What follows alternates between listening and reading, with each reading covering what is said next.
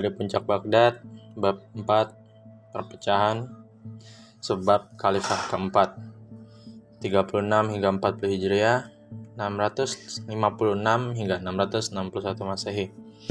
Ali akhirnya menerima kekhalifahan, tapi dalam pidato pertamanya di hadapan masa, dia mengatakan kepada mereka bahwa dia menerima jabatan ini di bawah tekanan.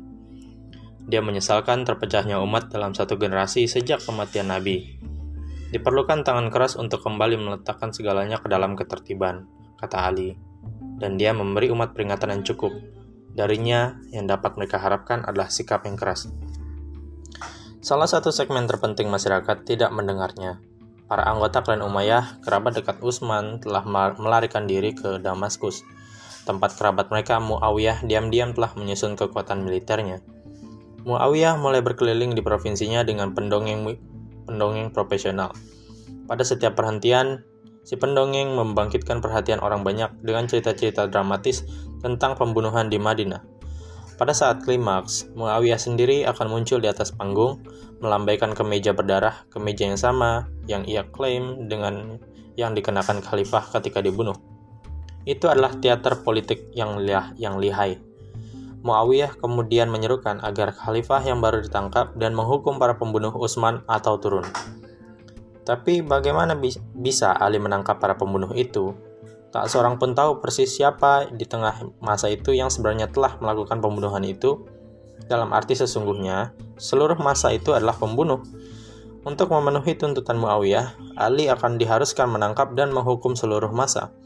Ini tentu tidak mungkin, tetapi dalam keadaan itu, bahkan sama sekali tidak mungkin masa masih menguasai jalan-jalan Madinah. Ali benar-benar tidak memiliki ke kekuatan untuk melakukan seperti yang dituntutkan Muawiyah dan sang gubernur mengetahui hal itu. Selain itu, para perusuh yang membunuh Utsman sendiri pada awalnya adalah korban ketidakadilan dan penindasan. Mereka datang ke Madinah dengan keluhan-keluhan yang sah, namun dengan membunuh khalifah mereka telah menyerahkan posisi moral yang lebih tinggi kepada penindas mereka. Sekarang, Ali dipaksa untuk memilih antara menyajarkan pos dirinya dengan para penindas atau pembunuh pilihan yang menyedihkan. Dia memutuskan akan mengawali dengan menyerang korupsi yang membusuk kerajaan. Menang atau kalah itu adalah satu-satunya harapan. Dengan membalik kebijaksanaan Utsman dan memulihkan kejujuran, dia mungkin masih dapat menarik masyarakat kembali ke jalan itu dan dengan demikian memperoleh kredibilitas dan pengakuan yang dia butuhkan untuk melakukan semua hal yang perlu dilakukan. Tetapi sebuah kelas orang kaya yang sama sekali baru telah bermunculan dari kompos penaklukan, penaklukan Islam, dan elit ini tidak tertarik dengan gagasan Ali tentang kemurnian dan reformasi. Bagi mereka, Ali tampak seperti ancaman revolusioner dan Muawiyah tampak seperti pengawal kekayaan dan keamanan mereka, status quo baru. Ali memecat semua gubernur yang telah diangkat Utsman dan mengirim orang-orang baru untuk menggantikan mereka. Tetapi tidak seorang pun dari gubernur yang dipecat setuju untuk mundur, kecuali seorang gubernur di Yaman, dan dia melarikan diri dengan semua uang di perbendaharaan, meninggalkan provinsi yang bangkrut itu untuk diambil alih oleh orang yang ditunjuk Ali. Sementara itu, masalah muncul di pojok yang lain. Aisyah, istri termuda Nabi, kebetulan berada di Mekah ketika Utsman dibunuh Ketika Muawiyah memulai keributannya, Aisyah berpihak kepadanya, karena sebagian karena selalu ada hubungan yang buruk antara dia dan Ali. Aisyah mengumumkan pemihakannya dengan pidato berapi-api di Mekah. Wahai orang-orang, kaum pemberontak telah membunuh Utsman yang tak bersalah, melanggar kesucian kota Nabi dibunuh di bulan suci haji. Mereka menjarah dan merampok penduduk Madinah Demi Tuhan, satu jari Usman lebih berharga daripada semua nyawa pembunuh itu. Kejahatan belum dihancurkan, dan pembunuh Usman belum dihukum. Tuntut pertanggungjawaban para pembunuh ini. Hanya pembalasan atas darah Usman yang dapat membela kehormatan Islam. Memanfaatkan semangat yang telah ia bangkitkan, Aisyah mengumpulkan tentara, mengadakan rapat perang, dan mem memetakan serangan. Gubernur Yaman yang dilangsirkan menjanjikan semua harta curian untuk tujuan itu melimpah dengan dana, Aisyah memimpin pasukannya ke utara dan menyerbu Basrah, kota utama di Irak Selatan. Dia menaklukkan para loyalis Ali dengan cepat dan mengambil alih. Pada titik ini, seseorang memulai kampanye bisik-bisik yang menuduh Ali sendiri punya keterlibatan dalam pembunuhan Utsman. Ali yang malang dan jujur mengakui bahwa dirinya memikul sebagian tanggung jawab atas kejahatan itu karena ketika Utsman memohon perlindungan, Ali telah menahan pedangnya. Pikiran bahwa ia mungkin dapat menyelamatkan Utsman menyiksa khalifah keempat Islam itu, dan ke kejujurannya kian memicu desas-desus yang menggoyahkannya. Ali mencoba menggiring pasukan untuk melawan Aisyah, mengatakan bahwa ini adalah jihad dan bahwa orang harus berjuang untuk membela Islam seperti yang telah mereka lakukan pada hari-hari yang silam. Tetapi umat Islam bingung karena Aisyah pun menyerukan jihad melawan Ali. Kedua belah pihak mengklaim perjuangan dirinya adalah untuk kebenaran, keadilan, dan jalan Islam. Namun masing-masing menyerukan umat Islam untuk memerangi umat Islam lainnya. Ini bukanlah apa yang mereka sebut jihad pada hari-hari baik di masa yang lalu. Anehnya, di antara sekutu Aisyah terdapat dua orang sahabat Nabi, Talhah dan Zubair, yang mungkin telah menjadi bagian dari masa yang menyerang istana Utsman hari itu. Jika bukan merupakan pembunuh itu sendiri, mereka tentu terkait dengan pembunuhannya. Namun mereka ada di sini, anggota terkemuka sebuah pasukan yang bersumpah untuk membalas pembunuhan Utsman dengan cara menggulingkan Ali. Ali bergegas keluar dari Madinah dengan beberapa pasukan yang ia kerahkan. Namun prajurit berbagai suku bergabung dengannya dalam perjalanan ke utara dan pasukannya bertambah banyak secara mengesankan. Ketika sampai di Basrah, ia mengirim seorang kawan terpercaya ke kota untuk bernegosiasi dengan Aisyah. Hebatnya, argumen juru bicara berhasil diterima wanita muda yang galak itu. Pertama, Aisyah mengakui bahwa dirinya tidak benar-benar berpikir bahwa Ali, Ali ada hubungannya dengan pembunuhan Utsman. Apa ya yang ia persalahkan kepadanya adalah kegagalan untuk menangkap penjahat yang bertanggung jawab. Kemudian, ia setuju bahwa penjahat itu adalah bagian dari masa dan bahwa masa mendapat kekuatannya dari kekacauan. Selanjutnya, ia mengakui bahwa dengan memerangi Ali, ia menimbulkan kekacauan dan dengan begitu, ya dalam satu pengertian ia sendiri sedang membantu para pembunuh itu lolos dari pengadilan. Pada pada akhir hari, Aisyah setuju untuk meletakkan senjatanya, membubarkan tentaranya, dan bergabung dengan Ali. Dia akan bertemu dengan Ali pada pagi hari untuk membahas beberapa hal. Interaksi itu mencerminkan niat baik kedua pemimpin pada Ali dengan kesediaan untuk bernegosiasi sebelum pertempuran. Pada Aisyah, dengan kejujuran intelektual yang memungkinkannya, bahkan di puncak amarah, bahkan ketika dikelilingi oleh aroma perang dan ancaman kematian, untuk mendengarkan pendapat Ali dan mengakui keabsahan poin-poin yang justru melemahkan posisinya sendiri.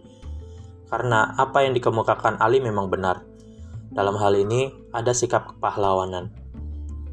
Utusan kembali ke perkemahan Ali untuk menyampaikan kabar baik, dan malam itu sorak perayaan terdengar di kedua belah pihak. Akan ada kedamaian hanya ada satu masalah yang tidak diperhitungkan seorang pun. Kedua pihak berisikan anggota tentara yang merupakan bagian dari masa yang telah membunuh Utsman dan akan dibawa ke pengadilan jika Ali dan Aisyah mencapai kesepakatan bersama. Orang-orang ini jelas tidak dapat memberi kesempatan pada perdamaian. Keesokan pagi, pada sebuah geng dari mereka merayap keluar dari perkemahan Ali dan melancar, melancarkan serangan mendadak pada pasukan Aisyah yang sedang tidur. Pada saat Ali bangun, orang-orang Aisyah sedang melakukan serangan balasan. Baik Ali maupun Aisyah berpikir pihak lain yang telah berkhianat. Dan dengan demikian dimulailah pertempuran unta. Disebut demikian karena Aisyah mengendarai unta langsung ke medan perang dan mengarahkan pasukannya dari belakang. Pertempuran baru berakhir ketika unta itu ditebas dan Aisyah ditangkap. Ali memenangkan hari itu. Tapi betapa kemenangan yang pahit Sulit membayangkan bagaimana perasaan mereka berdua. Bertemu setelah pembantaian berakhir, istri pujaan Nabi dan menantu tercinta Nabi berhadap-hadapan di lapangan yang berlumuran darah dengan korban 10.000 muslim tewas. Banyak di antara mereka adalah sahabat dekat Rasulullah. Ketika mereka membicarakan bersama bagaimana orang-orang dan peristiwa telah mengkhianati mereka berdua, kedua korban selamat ini membuat semacam perdamaian dengan satu sama lain. Mungkin mereka bahkan menemukan jalan untuk sebuah persahabatan. Mungkin dalam beberapa cara yang aneh, tragedi yang telah memisahkan mereka dan kengerian yang sama-sama tidak mereka inginkan itu telah membuat mereka dekat. Singkatnya, mereka tidak pernah berperang lagi. Setelah pertempuran unta, Aisyah mundur ke Madinah dan menghabiskan sisa hidupnya merekam perkataan-perkataan Nabi dan menulis komentar mengenainya. Dia mengakhiri hari-harinya sebagai salah satu yang paling dihormati di antara para ulama awal Islam. Ali tidak pernah kembali ke Madinah. Dia menjadikan kota Kufah di Irak zaman modern tempat kedudukan pemerintahannya sebagai hadiah bagi penduduk kota itu yang telah mendukungnya dan mencoba menyatukan kembali sisa-sisa kekhalifahan. Tapi pertempuran yang mematahkan hati dengan Aisyah telah menandai awal dari masalahnya.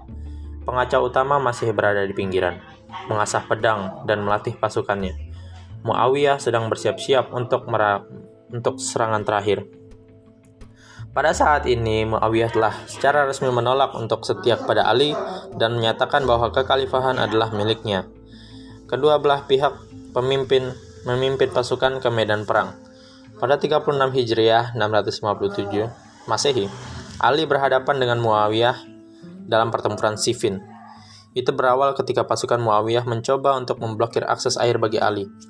Pertempuran singkat meledak, tetapi orang-orang Ali merebut tepi sungai dan pertempuran mereda menjadi kebuntuan yang berlangsung selama berbulan-bulan. Hanya diselingi oleh beberapa pertempuran sporadis. Kedua belah pihak menahan diri, mencari cara untuk menang tanpa kebrutalan karena masing-masing pihak beresiko kehilangan otoritas keagamaan dengan menumpahkan darah kaum muslim. Kebuntuan berakhir dengan hari empat ledakan kekerasan yang, yang menurut beberapa sumber menyebabkan 65.000 korban tewas. Pembantaian itu memunculkan seruan agar kedua pasukan mundur dan membiarkan kedua pemimpin menyelesaikan sengketa dengan berhadapan langsung. Ali yang berusia 58 tahun tapi dengan postur fisik yang masih mengesankan bersemangat menerima tantangan. Muawiyah yang sebaya dengan Ali tapi lembek dan berlemak mengatakan tidak. Pasukan Ali memperbarui serangan. Kali ini menebas pasukan Muawiyah seperti alang-alang. Tetapi Muawiyah merancang siasat untuk menghentikan mereka. Dia menyuruh prajuritnya menancapkan Al-Quran di ujung tombak mereka dan berbaris di belakang para penghafal yang melantunkan ayat-ayat Al-Quran. Lalu Ali didesak untuk bernegosiasi atas nama perdamaian di kalangan umat Islam. Pasukan Ali gentar berhadapan dengan prospek mencemarkan Al-Quran dan Ali setuju untuk menegosiasi. Ali mungkin tidak menganggap dirinya sedang menyerah pada sesuatu pun, karena ia telah mengajak untuk menegosiasi dari awal. Tetapi tidak diragukan, tidak diragukan lagi, ia berpikir pembicaraan yang akan berakhir dengan Muawiyah mengakui haknya untuk memerintah dengan balasan beberapa konsensi seperti jaminan untuk membiarkannya tetap sebagai gubernur Suriah. Sebaliknya, ketika wakil-wakil kedua pemimpin bertemu, mereka sepakat bahwa kedua orang itu setara dan bahwa masing-masing harus tetap bertanggung jawab atas wilayah mereka sendiri. Muawiyah memerintah Suriah dan Mesir, Ali memerintah selebihnya. Bukan ini yang diinginkan oleh Ali, dan itu tentu saja membuat marah para pengikutnya. Syiahnya, menurut istri, istilah bahasa Arab yang menjadi nama dari mazhab yang muncul dari perpecahan ini. Tapi sekarang Ali tidak bisa menolak hasil tersebut tanpa terlihat sebagai berikhtikat buruk. Muawiyah telah mencuranginya. Selain itu, Ali beroperasi dengan satu kelemahan. Selama 26 tahun, Syiah Ali telah menyatakan bahwa dia memiliki kekuatan kepemimpinan yang dianugerahkan oleh Allah. Kekuatan yang dapat menyelamatkan umat Islam dari berbagai penyakitnya. Awalnya, pernyataan ini mengacu pada hubungan darahnya dengan Nabi, tetapi selama puluhan tahun ketika tiga khalifah yang pertama membentuk tatanan sosial baru, Ali telah menyampaikan khutbah-khutbah spiritual yang mengemukakan dengan penuh semangat tentang sifat kemahakuasaan, keluasan, kesatuan, dan ketak terjangkauan Allah. Singkatnya, sementara khalifah-khalifah yang lain menjadikan diri mereka penjaga visi komunitarian Muhammad, Ali memantapkan dirinya sebagai penjaga api batin. Sehingga pro posisi para pengikutnya adalah bahwa tidak seperti semua pemangku kekhalifahan yang lain, Ali memiliki akses pribadi kepada pembimbing spiritual dari Allah. Seluruh dukungannya bertumpu pada gambaran ini. Sekarang dia bernegosiasi dengan Muawiyah yang merupakan perwujudan tertinggi materialisme anti-Islam. Avatar yang diberkati Tuhan dengan kebenaran yang ditunjuki Allah macam apakah dia? Berkomprom, berkompromi dengan musuh membuat kecewa faksi pengikut Ali yang paling berkomitmen. Sehingga para pengikut yang lebih muda dan lebih radikal ini lalu memisahkan diri. Mereka kemudian di, dikenal sebagai Khawarij, orang-orang yang memisahkan diri. Kelompok pecahan ini merumuskan ulang cita-cita para pengikut Ali menjadi doktrin baru yang revolusioner. Darah, dan silsilah tidak berarti apa-apa, kata mereka. Bahkan seorang budak memiliki hak untuk memimpin masyarakat. Satu-satunya kualifikasi adalah karakter. Tidak ada orang yang dilahirkan untuk menjadi pemimpin, dan pemilihan semata tidak bisa mengubah seorang menjadi khalifah. Siapa pun yang menunjukkan pengabdian autentik terbesar kepada nilai-nilai Islam, dia adalah khalifah. Tidak perlu ada pemilihan. Akan tetapi dia bertanggung jawab kepada rakyat jika sedikit saja dia pernah tergelincir dari keunggulan moral yang utuh, dia kehilangan haknya untuk menjabat tinggi tersebut dan orang yang lain menjadi khalifah. Melalui mekanisme aktual apa penurunan dan promosi pangkat ini terjadi, kaum Khawarij tidak mengatakannya. Bukan masalah mereka. Mereka hanya tahu bahwa Ali telah menyia-nyiakan haknya dan perlu mundur dari jabatannya dan karena dia tidak mundur, seorang Khawarij muda menyelesaikan sendiri masalah itu. Pada 40 Hijriah, si pemberang ini membunuh Ali. Pengikut Ali dengan segera mengalihkan pandangan kepada putranya Hasan sebagai penggantinya. Tetapi Muawiyah menepiskan tantangan ini dengan menawari Hasan sejumlah uang untuk melepaskan semua klaimnya atas kekhalifahan. Cucu tertua Muhammad itu kecewa dan sudah letih untuk berperang pada waktu ini. Melangkah ke pinggir, dia tidak punya selera untuk melanjutkan pertarungan dan di bawah keadaan yang sedang berlaku, mengklaim kekhalifahan hanya akan menjadi perebutan kekuasaan.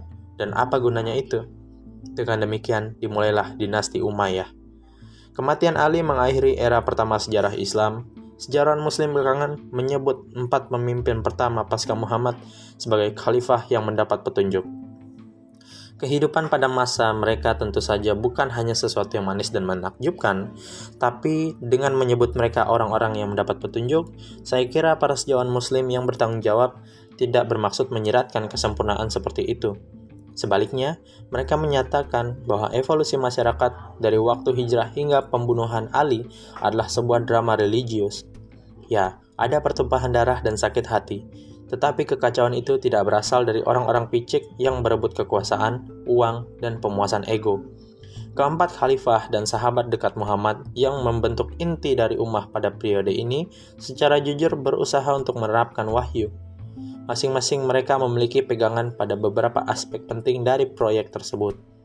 Tetapi tidak seorang pun yang cukup besar untuk mampu memegang seluruhnya. Seperti yang telah dilakukan Muhammad, Penerus terdekat Nabi tak ubahnya enam orang buta yang mencoba untuk mengetahui apakah gajah itu lebih mirip tali, dinding, tiang, atau apa.